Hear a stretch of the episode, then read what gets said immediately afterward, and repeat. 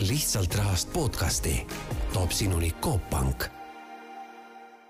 tervist, tere kuulama Coop Panga Lihtsalt rahast podcasti, täna räägime kodulaenust, eluasemelaenust ja meil on stuudios Coop Panga kodulaenu äriliini juht Karin Ossipova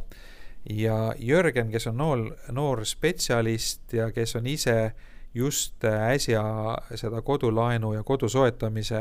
protsessi läbi tegemas. nii et saame küsida nagu otseseid kogemusi ja siis peegeldada seda asja kohe ka, ka pangas laenuandja vaatenurgast tagasi. aga alustuseks selline nagu igipõline dilemma küsimus, et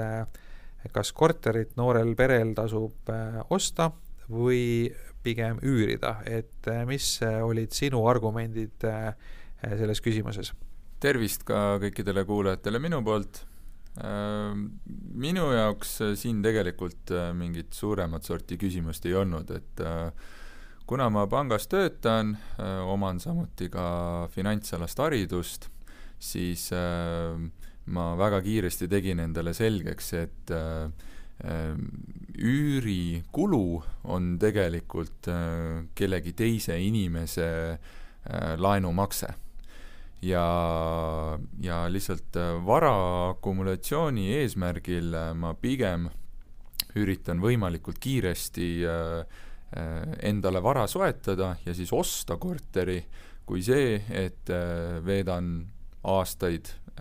kellegi teise üürikorteris, makstes siis tagasi tema kodulaenu ja selle intressi. nii, see on väga selge ja konkreetne vastus nüüd edasi, järgmine samm on see, et äh, aru saada, milline korter sulle kõige sobivam on, et siin on äh, jällegi mitu kohta, kus valikuid teha. üks asi on see, et, äh, et kui kallist korterit endale lubada. Ja teine on see, et kas see peaks olema mingi väljakujunenud elukeskkond, vana maja või siis uusarendus et räägime kõigepealt äh, sellest äh, korteri hinnast, et kuidas sa seda korteri hinnataset enda jaoks äh, lahti mõtestasid, et milliseid argumente aluse võt-, aluseks võtsid, et välja arvutada seda, kui kallist korterit sa endale lubada saad? no eks iga, iga korteri ostu puhul on vaja tunnetada seda, et kui palju sul on endal vabasid äh, rahalisi vahendeid, et äh, teha sissemaksu. ja ma arvan, et sellest saabki tegelikult kõik alguse, et kui sul on äh, võimalik säästudena kokku koguda umbes viis tuhat eurot, noh siis see paneb tegelikult väga konkreetselt hinnalae peale juba, et mis vääringus korteri sa saad endale soetada kui sul on rohkem raha äh, korteri ostuhetkeks äh, kogutud, siis jällegi see korteri,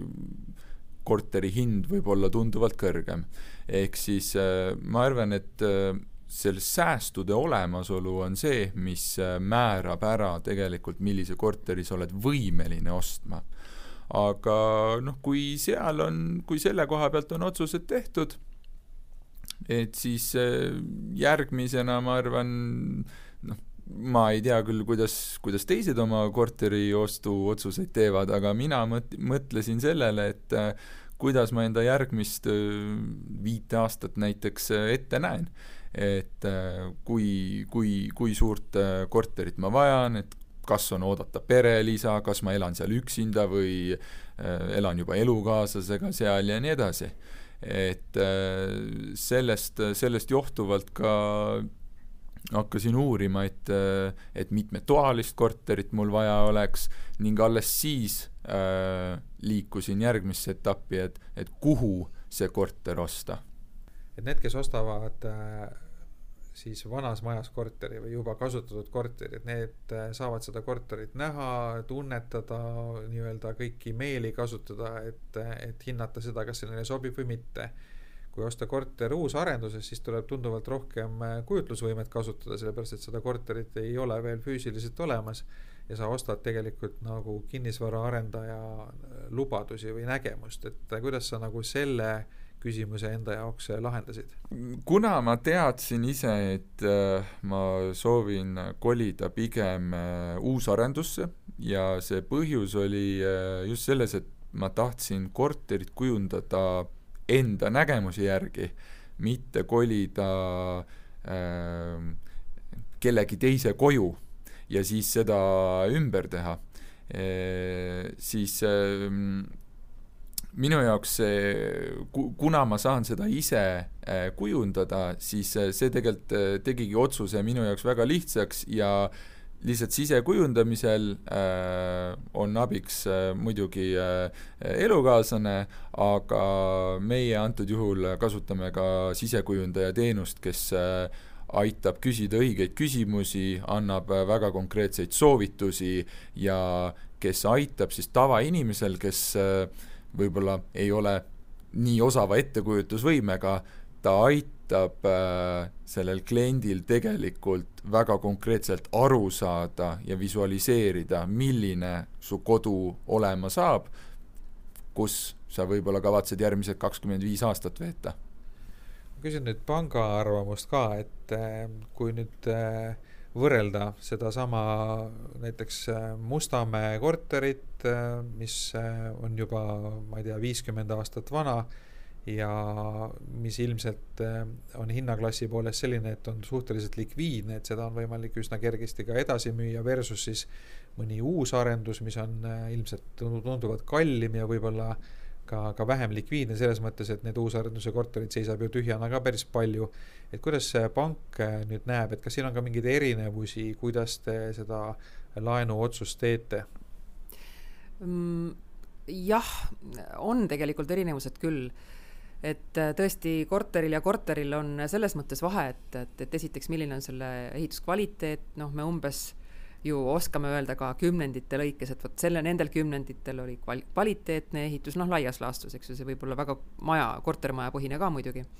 ja, ja sellel kümnendil juba, juba hoopis teistsuguse kvaliteediga. et ja konkreetse korteri enda noh, ütleme siis seisukord äh, määrab siin ka rolli ja kolmandaks veel ka piirkond et äh, isegi mitte niivõrd võib-olla see, et kas ta on uus äh, korter või vana korter, aga isegi rohkem võib-olla piirkond mõningatel juhtudelgi, siis ähm, sellest ju sõltub äh,, kui palju on võimalik ühe või teise korteri turuväärtuse vastu laenu anda, millises määras. on see kaheksakümmend viis protsenti, on see seitsekümmend viis protsenti. et jah, tõesti, korteri vanus ja seisukord mõjutavad laenu suurust ehk teisisõnu öeldes, see mõjutab siis kliendi äh, omafinantseeringu vajaduse suurust omakorda.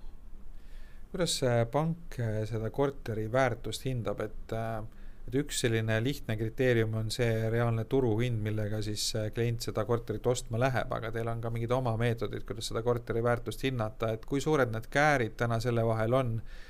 mis hinnaga neid turul müüakse ja mis tegelikult on teie hinnangul selle, selle korteri väärtus mm? -hmm no siin vast kõige tugevam tegur äh, on ikkagi likviidsus ehk asukoht, et kui nüüd näiteks ma Tallinnas äh, soovin ühte tavalist korterit osta, olgu see siis kas või seitsmekümnendatel, kaheksakümnendatel ehitatud, siis on üsna suur tõenäosus, et äh, maksimumlaenusumma on kaheksakümmend viis protsenti turuväärtusest, KredEx, KredExit kaasates lausa üheksakümmend protsenti turuväärtusest. aga kui ma nüüd lähen Valka või isegi Valga lähedale mõnda väiksemasse endisesse kolhoosikeskusesse ja tahan seal korteri osta, siis äh, selle korteri vastu me kindlasti kaheksakümmend viis ka üheksakümmend protsenti äh, laenu anda ei soovi, sellepärast et selle korteri likviidsus on lihtsalt äh, niivõrd madal. iseasi on nüüd muidugi hinnad, kus Tallinnas sa ostad selle korteri võib-olla saja viiekümne tuhande euro eest, aga, aga tõesti seal Valga lähedal võib-olla kolme tuhande euro eest, et siis ei määra ju kliendi otsuseid enam niivõrd see omafinantseeringu vajadus, sest absoluutsummad on nii hoopis teistest hinnaklassidest. nüüd tagasi Jörgeni juurde, et nüüd, äh, kui sa oled selle korteri endale välja valinud ja need otsused ära teinud, millist sa soovid, et äh, kuidas nüüd edasi, et äh, mille alusel sa finantseerimise pakkujat äh, valima hakkasid? Ehm, ega no ma lähtun väga pragmaatiliselt, et äh, tegelikult ma võtan pakkumise kõikidest pankadest. et ma pean tunnistama, et äh, täna ma ei ole veel finantseerijat välja valinud, ja, ja kõikide finantseerijatega ei ole laenu, laenuprotsess lõpuni tehtudki. aga kuna minu hinnangul sada eurot on sada eurot ja tuhat eurot on tuhat eurot ja küsimus on lõppkokkuvõttes selles, et mis on see intress, mis on lepingutasud ja mis on lõppkokkuvõttes krediidikulukuse määr minule kui äh, siis nii-öelda selle pangateenuse ostjale. Ehk siis äh, päeva lõpuks minu jaoks kõige suuremat rolli mängibki äh, krediidikulukuse määr, mille põhjal ma hindan, et kes suudab mulle parima pakkumise teha. Kui erinevad need pakkumised on, mis sa seni saanud oled ja kuivõrd hästi nad on ka võrreldavad, sest noh, teatud teenuste puhul on väga raske neid võrrelda, kuna näiteks äh, need teenused on üsna keerulised ja siis üks-ühele kõrvuti panna ongi peaaegu võimatu. no pakkumisi tuleb äh, seinast seina, et äh, küll pangad kasutavad ju väga erinevaid meetode, et siis meelitada klienti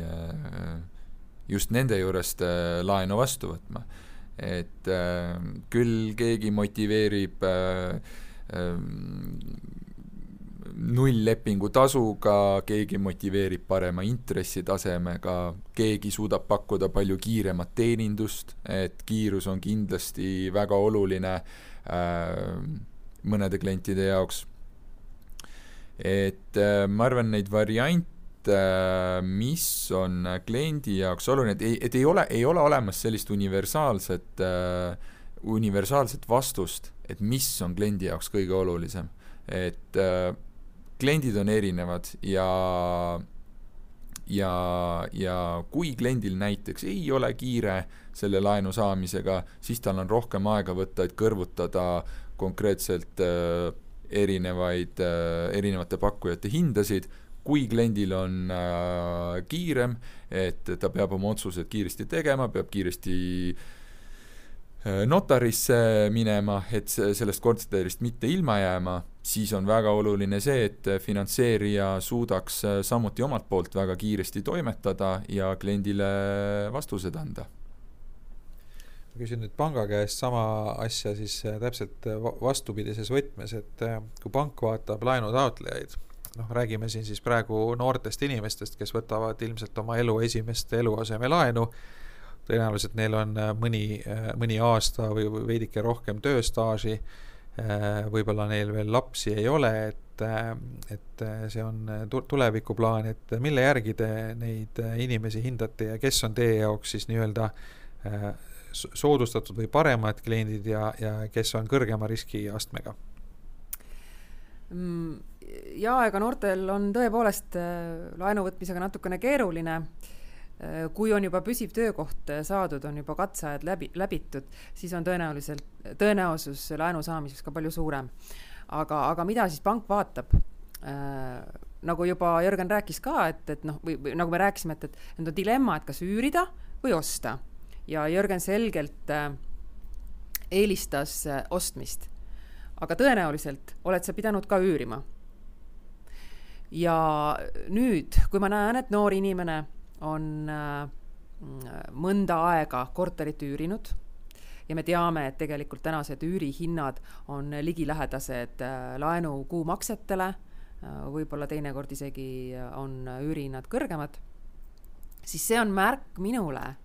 et isegi kui Jörgen ei ole suutnud mingi suuremaid summasid endale kõrvale panna oma finantseeringu jaoks, on see ikkagi märk, et ta on säästmisvõimeline. ja ja, ja hiljem, kui ta siis laenu võtab, siis ju see üürimakse nii-öelda konverteerub äh, laenumakseks ja kui ma näen, et ta on suutnud üürimakseid maksta, siis ma, minus on juba kindlus olemas, et jaa, ta suudab laenumakseid ka maksta. noor inimene, kes on elanud oma vanemate juures, tal ei ole mingisuguseid sääste tekkinud, kusjuures ta pole pidanud ka üüri maksma ja ema on tõenäoliselt maksnud nii tema mm, söögi kui äh, ka riided siis sellisele noorele inimesele on nagu oluliselt keerulisem laenu anda. Äh,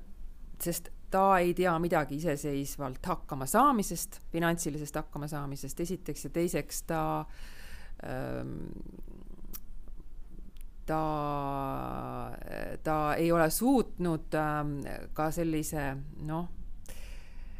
mittekuluka eluviisi juures säästa oma finantseeringuks. Ja see, mida ma näen oma töös, on sageligi, et, et ongi sageli just see, et, et, et noored, kes üürivad korterit, nad on, nad suudavad äh, sealjuures veel säästa ka oma finantseeringut ja tüüpiliselt need, kes on elanud kodus ema-isa juures, nad ei ole pidanud vajalikuks ka oma finantseeringuks sääste kõrvale panna. nüüd, kui äh, korterit äh, üüritakse või ostetakse siis perele, ehk et olgu siis tegemist formaalse abieluga või, või, või kooseluga, et kuidas see mõjutab, et kas, kas formaalselt abielus olemine on äh, ka oluline või, või pole see tähtis ja, ja kuidas üldse jagada siis äh, näiteks kahe inimese vahel, kes seda koos, seda laenu näiteks taotlevad, neid, neid äh, garantiisid ja, ja kõike muud sinna juurde kuuluvad ähm,? oluline on nüüd äh, aru saada sellest, et kui laenulepingusse kaasatakse ka teine laenuvõtja, ehk et laenulepingus on nii, nii-öelda äh, pealaenusaaja või põhilaenusaaja ja kaaslaenusaaja, siis see on ainult sõnakõlks tegelikult mõlemad laenusaajad või isegi kui neid on seal kolm, nad kõik vastutavad solidaarselt. see tähendab, et üks ei ole tugevam kui teine või ühel ei ole rohkem ähm, vastutust kui teisel. ja sellest aspektist lähtudes ei ole tegelikult oluline, kas sa äh, noh, panga silmis just, et kas kliendid on abielus või nad on vabaabielus või, või, või äh, no okei okay,, see juba on määrav, et äh, kui tegem-, kui mängu tuleb nagu kolmas isik, ütleme, et siis kooseluväline isik, eks, et, et vanaema, ema, isa, nemad on veel aktsepteeritavad selles koosluses, aga näiteks mm, Jörgenile ja tema mm, koolikaaslasest sõbrale kahasse laenu anda, kodulaenu anda, äh, pank kindlasti ei taha, sest ühel hetkel võib juhtuda nõnda, et äh, nad on omavahel tülis ja siis ei taha see pank, üks ei taha maksta ja teine ei taha maksta ja siis ei taha pank ka olla selles äh, suure tüli keskel seal ja hakata seda korterit realiseerima, eks ju et ähm, äh, ehk, ehk et siis äh, see kooseluvorm ei ole absoluutselt oluline, küll aga on oluline, et nad, et, et, et moodustataks leibkond. ehk et mm, tulud-kulud äh, toimetatakse ühiselt, sest et see annab noh, pangale kindluse, et need osapooled on ikkagi nagu huvitatud ühisest majandamisest. kui nüüd seda juttu kuulates ma saan aru, et tegelikult mineviku käitumine on olulisem kui tuleviku potentsiaal ehk et te vaatate pigem seda, kuidas on see inimene minevikus hakkama saanud, mitte seda, et ta on omandanud äh, väga hea hariduse ja on tööjõuturul väga konkurentsivõimeline ja võib hakata suuri summasid tulevikus äh, teenima, et saan ma õigesti aru? No päris nii öelda ei saa, minevik on jah oluline, sest me tulevikust ei tea, aga sellegipoolest me hindame ka äh, just sedasama perspektiivi nagu tööjõuturul hakkama saa-, saamisel. ja, ja vaatame, et mis haridus on omandatud Äh, millised on need perspektiivsed äh, noh, siis sissetulekud, kui asendatavad need sissetulekud on mm, juhul, kui peaks midagi juhtuma. Nii et see on tegelikult oluline küll ka veel kord sellest minevikust rääkides, et kui pikk see ajalugu peab olema, et, et enne kirjeldasite värvikalt seda, et kes elab seal e ema hõlma all ja, ja kes siis ise hakkama saab ja ja endale ise korterit üürib ja, ja ise majandab, et, et kui, kui kaugele minevikku see nii-öelda teie silmis hea käitumine või, või mõistlik finantskäitumine peab ulatuma? Noh, kui me nüüd äh, niisugustest karmimatest allikatest räägime, nagu näiteks äh, maksehäireregister krediidiinfos, siis äh, seal me ju näeme, pangad näevad ajalugu ikkagi mitme aasta tagust ajalugu kohe. nii et, et, et, et, et äh, ma nüüd peast ei julgegi öelda, kas see oli viis aastat või seitse aastat maksehäirete ajalugu, mis me, mis meie pankadele äh, kättesaadavaks on tehtud, seda me vaatame. nüüd, äh, mis puudutab aga sellist palka, sissetulekuid, ehk et siis räägime siis konto väljavõttest, eks ju, kust me saame aru, millised on kliendi sissetulekud ja millised on tema kohustused, siis seal pankades reeglina küsitakse noh, kuni kaksteist kuud tagasiulatuvalt infot aga, aga no Coop Pangas me isegi nii kaugele ei lähe, et me, me vaatame kusagil kuus kuud. Nii et äh, siis esimene nõuanne on see, et neile, kes tahavad äh, laenu saada, et kolige ema juurest ära vähemalt kuus kuud, äh, makske korralikku üüri kuskil ja olete panga silmas, panga silmis lisa, lisapunkte saanud natukene, et näitab, et olete võimelised iseseisvaks eluks ka, aga nüüd äh, siin on jällegi erinevat tüüpi inimesi, on sellised, kes töötavad äh, suures ja stabiilses ettevõttes äh,, saavad kindlat kuupalka äh,, aga siis on päris palju noori, kes on otsustanud valida teistsuguse tee, näiteks äh, käivitavad oma iduettevõtet või tegelevad mingi muu ettevõtlusega ja seal on see sissetulekute pool juba tunduvalt segasem. ja võib juhtuda, et neid sissetulekuid ei, ei olegi või siis äh, on need äärmiselt ebaregulaarsed, et kuidas pank nüüd sellise elustiiliga inimestesse suhtub, just nagu laenukliendi seisukohalt vaadates? Mm, see on keerukas klient. et selle kliendi sisse peab päris sügavalt vaatama Äh, siin see pelgalt konto väljavõte ja maksehäireregister ei, ei aita. et ähm, kuna me peame ikkagi lähtuma äh, vastutustundliku laenamise põhimõtetest äh, kodulaenude andmisel ja ka, ja tegelikult üleüldse tarbijale laenu andmisel, siis ähm, ma küsin vastu, et kui sa näed sellise ebakindla, ebaregulaarse sissetulekuga äh, noort inimest, kes tahab võtta päris suurt äh, laenu kodu soetamiseks, tal võib-olla isegi on äh, vanematelt saadud kingitus omafinantseeringu näol. kas sinu arvates oleks panga poolt vastutustundlik anda noorele see laen, mm, olles ise noh, teades, et, et tegelikult need sissetulekud ei ole stabiilsed ja tal ei pruugi järgmisel kuul üldse laenu maksmiseks äh, raha olla. et kas see küsimus on mulle, siis äh, mina pangana ilmselt ei annaks, aga kui ma oleks äh, see noor inimene, siis ma oleks panga peale vihane, et minu ambitsioone ei austata, nii et see täpselt sõltub sellest, kustpoolt vaadata aga Jörgen, sina oled nüüd see inimene, kellel on stabiilne sissetulek nagu sellises kindlas hea taustaga firmas, aga sul kindlasti sõprade seas on äh, ka neid, kes, kes on valinud sellise ebastabiilsema elustiili ja võib-olla käivitavad mingit oma äri, et äh, nendega vesteldes, et mis nemad arvavad sellest, et kas kas äh, neil üldse on võimalik ühendada neid kahte asja, et käivitada näiteks oma mingit iduettevõtet ja, ja soetada ka eluasemelaenuga endale korter jah, ma olen äh,, mitte nüüd küll isiklikult äh,, ma ei seisa selle probleemiga silmitsi, aga ma olen suhelnud inimestega, kes äh, on käivita-, käivitanud oma iduettevõtte ja täiesti äh, edukalt kusjuures. et on äh, mitmeid äh,, mitmeid aastaid sellega tegelenud, suudavad tegelikult isegi näidata äh, küll väiksemat sissetulekut kui võib-olla suuremas korporatsioonis töötades, aga siiski stabiilset sissetulekut ja on ka suutnud näidata, et nad suudavad oma ettevõtet kasvatada, mis küll äh, nagu e-, iduettevõtetele kohaselt teeb esimesed äh,, esimestel aastatel äh, ei teeni nad mingit kasumit, ehk siis tegutsevad kahjumlikult äh,, aga nad on tegelikult suutnud ära tõestada, nad suudavad seda äri teha, nad suudavad seda äri kasvatada, nad on selle äri omanikud ja tegelikult nad pangast laenu ei saa. ja puhtalt selle tõttu, et, ähm, et neil ei ole näidata siis ametlikku palka, mis küündiks äh, väga kõrgele tasemele ja, ja ka selle tõttu, et pangad siis äh, äh suhtuvad skeptiliselt selle ettevõtte Äh,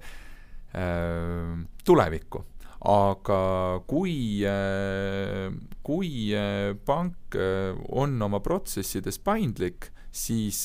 tegelikult lõppkokkuvõttes on kõik võimalik nii-öelda läbi rääkida. et konkreetselt sellest ühest näitest, mis ma rääkisin, et nemad, nemad said ikkagi pangast laenu kätte selle tõttu, et selgitati täpsemalt olukorda, näidati järgmiste aastate plaanid oma ettevõttega seotult samuti ette ja leiti pangaga tegelikult äh, väga konkreetne kokkulepe. et äh, see protsess oli küll pikem kui äh, tavaline laenu taotlemise protsess, aga noh, konkreetne kaasus oli ka teistsugune kui tavaline laenuprotsess. ehk siis lõppkokkuvõttes, kui, kui pangal on soov ja kui ka laenu taotlejal on soov ja kaasus on tegelikult äh, mõistlik, siis äh, ma arvan, kokkulepped on saavutatavad samuti. no ma küsin niipidi, et kui, kui mul on näiteks oma ettevõte, mingi äh,, olgu see siis idu või mitte idu ettevõte, aga ma suudan äh, maksta endale regulaarselt stabiilset palka, mis võib-olla ei ole väga kõrge, aga siiski regulaarne stabiilne sissetulek mingi Eesti keskmise kanti sinna Äh, siis äh, kumb on panga jaoks olulisem, kas see, et vaadata minu kui eraisiku palga nii-öelda sissetulekuid või te süübite ka sellesse, et mis laadi ettevõte see on, kes mulle palka maksab, kui see on minu enda ettevõte, et et võib ju olla nii, et sellel ettevõttel on, läheb raskelt või halvasti, aga ta ikkagi suudab mulle kui võib-olla ainsale töötajale iga kuu see mingi tuhat eurot palka ära maksta, et kuidas te seda, seda vaatate? Äh, jaa, me alati nagu vaatamegi just täpselt seda, et kas ettevõte, kust sa palka saad, sissetulekut saad, eks ju, kas ta on sinuga endaga seotud, oled sa ise omanik või mitte. ja kui sa oled omanik, siis äh, me teeme ettevõttele ka finantsanalüüsi ja hindame, vaatame, kuidas ta hakkama on saanud, kuidas ta finantsid on, kas ta on võimeline dividende maksma ja Coop Pangas me ikkagi võtame arvesse lisaks siis sellele palgale, mida sa endale maksad, äh, võtame arvesse ka potentsiaalseid dividende, mille me ise siis välja arvutame sellesama ettevõtte finantsandmete pealt. nii et, et jah, ei ole pelgalt konto väljavõte ja sinna laekuv number Äh, mida me siis sissetulekuna arvesse võtame, vaid ikkagi süübime ka ettevõttesse endasse ja, ja selle potentsiaali. nii et nii-öelda laenu taotleja seisukohast oleks kasulik ikkagi töötada suures, soovitatavalt isegi riigiettevõttes ja saada stabiilset sissetulekut, et see on nagu äh, panga silmis märk, et see on stabiilne klient ja see, kes on sellises rock n roll elustiilis rohkem ja ajab mingeid oma projekte ja, ja, ja on võib-olla vähem äh, Äh, stabiilne, et siis see on tegelikult nagu, nagu pigem selline negatiivne märk ei ole negatiivne märk, lihtsalt äh, see rock n roll klient, äh, ta nõuab palju rohkem pühendumist ja, ja tööd ja sissevaatamist. ja nagu Jürgen ütles, et tegelikult on võimalik anda küll laenu, kui pangal on viitsimist süveneda. ja, ja noh, iga rock n roll ei, ei, ei õigusta ennast, aga mõni rock n roll õigustab. ja, ja nüüd noh kuna, kuna seal on tõesti seda tööd rohkem ja aega kulub ka rohkem, siis mm, andku mulle rock n roll vennad andeks, aga natukene see intress kipub kõrgem olema kui sellisel nagu lihtsal, läbipaistval, mm, vähe tööd nõudva projektiga kliendil võib-olla.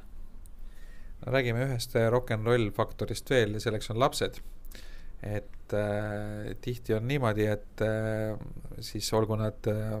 mis, mis tahes äh, vormis äh, kooselus äh, Äh, noored spetsialistid teenivad head raha ja siis ühel hetkel sünnivad lapsed, võib-olla mitu tükki järjest ja siis üks osapool äh, kaotab äh, olulisel määral sissetulekutest, et meil on küll emapalk, aga, aga lõpuks ikkagi väga palju töökohti on, on sellised, kus, kus see emapalk ei, ei kompenseeri täielikult ära. Nüüd seda, seda varasemat sissetulekut, et kuidas te sellele olukorrale vaatate, et kui nüüd te näete, et kliendil äh, oluliselt sissetulek langeb ja muudkui lapsi sünnib ja, ja, ja, ja selles mõttes äh, tema selline äh, majanduslik olukord ei, ei, ei parane. me muidugi eel, eeldame, loodame väga, et, et klient ise märkab oma olukorda. ta tuleb õigel ajal panka, panka ja räägib oma mure ära, et olukord on hetkel ajutiselt, ma loodan, selline et äh, maksevõime mul langenud ja siis äh, on võimalus anda maksepuhkust pakkuda, kas siis põhiosa maksepuhkust või ka raskematel juhtudel ka isegi intressimaksepuhkust, nii et, et sa ei maksa mitte midagi. kui me siis koos seal ikkagi hindame ja vaatame, et oi-oi-oi, et tegelikult see olukord on, võib osutuda väga kestvaks, siis ähm,, siis me, siis me räägime kliendiga läbi, et kuule, mis sa arvad, et võib-olla oleks sul mõistlik oma eluaset nüüd vahetada mõne odavama vastu, et, äh, et laenukoormust vähendada ja, ja noh, kõige viimane asi, mida me, mida üks pank üleüldse tahta võiks, on see, et, et et ta läheb ja peab hakkama nüüd seda kliendi tagatist äh, müüma, seda kindlasti mitte, kui klient on nüüd päris pikalt juba võlgu jäänud, vaid pigem ikkagi äh, me soovitame, et, et nüüd tegele nüüd ise oma asjadega natukene, proovi oma seda kinnisvara müüa, sest siis on sul võimalus rohkem tagasi sealt saada kui läbi täituri ja, ja enamasti saavad ikkagi asjad leevendust äh, maksepuhkustega, sest et või siis ka näiteks tähtaja pikendamisega, sest et ega siis äh, eraisikul see laen on ikkagi kolmekümne aastane ja igasuguseid asju võib sulle elu ette tuua, nii et et ei ole see olukord sugugi nii lootusetu no jutt oli just kolmekümneaastasest laenust, et Jörgen, kui palju sina mõtled ette sellele, kui, kui pikk laenu tähtaeg sinu arust äh, mõistlik on? Mina isiklikult äh, sihin sinna kahekümne aasta kanti, et äh, noh, kolmkümmend aastat on äh, on selline hoomamatult pikk aeg minu arust, et noh, kolmkümmend aastat on äh, rohkem, kui ma täna elanudki olen. Et äh, et seda on väga raske ette kujutada, et ma nüüd siin äh, rohkem kui viiekümneaastaselt jätkuvalt maksan laenu, mille ma olen ostnud circa kolmkümmend aastat tagasi. et aga päeva lõpuks minu, minu, minu puhul see natukene mängib ka rolli see, et, et mis on see minu võimekus siis neid laenumakseid iga kuu maksta et äh, minul täna on see võimalus äh, võtta kahekümneaastane laen, mitte, mitte kolmekümneaastane laen ja ma eelistaksin laenu lihtsalt äh, kiiremini tagasi maksta, et mitte hoida seda kohustust üleval veel lisa kümme aastat. no täna on intressid suhteliselt madalad ja juba tegelikult päris pikki aastaid räägitakse, et nüüd, nüüd kohe hakkavad intressid tõusma, et kas sa oled arvestanud sellega ka, et et intressid võivad äh, üles minna, et see tegelikult, see laenu teenindamine läheb sul kallimaks? Äh, eks ikka ma olen sellele mõelnud, et äh, ütleme, viimased seitse aastat, kui ma olen üldse sellistele terminitele mõelnud ja nendest terminitest aru saanud, nagu intress, et siis on ju intressid olnud äh, järjepidevalt väga madalad ja mina oma täiskasvanu eluea jooksul ei olegi näinud äh, kõrgeid intresse, aga noh, muidugi olen ma kuulnud lugusid minevikust, et äh, päris ausalt öeldes ega see mind liiga palju morjendanud pole ja ma liiga palju oma pead selle üle vaevanud ei ole, aga tehes neid laenutaotlusi, siis ma olen aru saanud, et äh, äh, pangad, kus on äh, töötajad, kes on kakskümmend aastat vanemad kui mina, et nemad on juba tunduvalt rohkem elu näinud ja nemad oskavad seda ette näha. Ja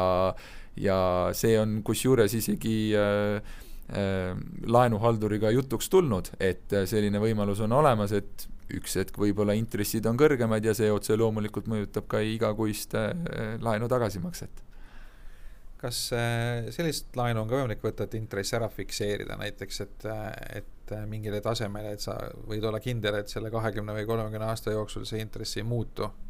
no nii pikaks ajaks fikseerida kodulaenu äh, praegu Eesti turul ei ole võimalik. küll aga jah, teoreetiliselt võib ette kujutada, et, et, et täna meil ju näiteks väikelaenud on fikseeritud äh, intressimääraga, see ei muutu, aga noh, mõtleme, mis on väikelaenude intressimäära suuruseks. et praegu äh, ka Coop Pank ei paku praegu rohkemaks kui äh, ikkagi kuue kuu Euriboriga seotud äh, mm, intressimäära, siin äh, Skandinaavia pangad pakuvad ka natukene pikemateks aegadeks ja, ja tõenäoliselt saab ka meie pakkumuses ühel hetkel pikemad perioodid ka olema, aga mäletame veel eelmisest masuajast, siis oli võimalik fikseerida intress koguni viieks aastaks ütleme siis buumiajast, mitte masu, äh, oli intress võimalik fikseerida viieks aastaks, äh, aga sellest väljatulemisel ähm, noh, kui siis osutus, et tegelikult ei ole võib-olla mõistlik, sellest väljast tule, väljatulemise hind on ka päris kõrge, nii et, et seal on nagu teised mehhanismid jälle. Taga, mis võivad nagu sinu selle, kogu selle laenukulu mm, üpriski nagu kalliks teha no Jörgen ütles, et kakskümmend aastat on tema jaoks veel enam-vähem hoomatav tulevik, aga kolmkümmend on juba liiga pikk, aga kui ma nüüd õigesti olen aru saanud, et siis äh, siinsamas üle, üle Läänemere Skandinaavias on äh, laenugraafikud sadades aastates isegi, et äh, kuna kinnisvara on nii kallis, siis põhimõtteliselt seda inimene oma eluajast, ea jooksul ei jõuagi seda laenu tagasi maksta, et kas, kas meil ka on asjad sinnapoole liikumas? Kindlasti ei ole sinnapoole liikumas sellisel moel. vastupidi, jällegi tulen tagasi eelmise buumi ja, ja, ja kinnisvara mulli lõhkemise ajastusse pärast seda on Euroopas väga tugevalt reguleeritud kodulaenu andmise noh, ütleme siis tingimusi ja kui meil veel Eestis oli ka võimalus anda kuni neljakümneks aastaks anti kodulaenu, siis täna seda võimalust enam ei ole. Äh, kodulaenu saab anda maksimaalselt kolmekümneks aastaks ja see on lausa Eesti Panga presidendi määrusega äh, kindlaks määratud. selline sai siis seekordne Coop Panga Lihtsalt rahast podcast, me kuulasime Jörgenit, kes on siis noor spetsialist, kes rääkis oma kogemustest laenu taotlemisel ja pangapoolseid kommentaare jagas Karin Ossipova, kes on Coop Panga eraisikute laenude äriliini juht Saadet juhtis Ando Sinisalu ja täname kuulajaid. Lihtsalt rahast podcasti. Toob sinuni Coop Pank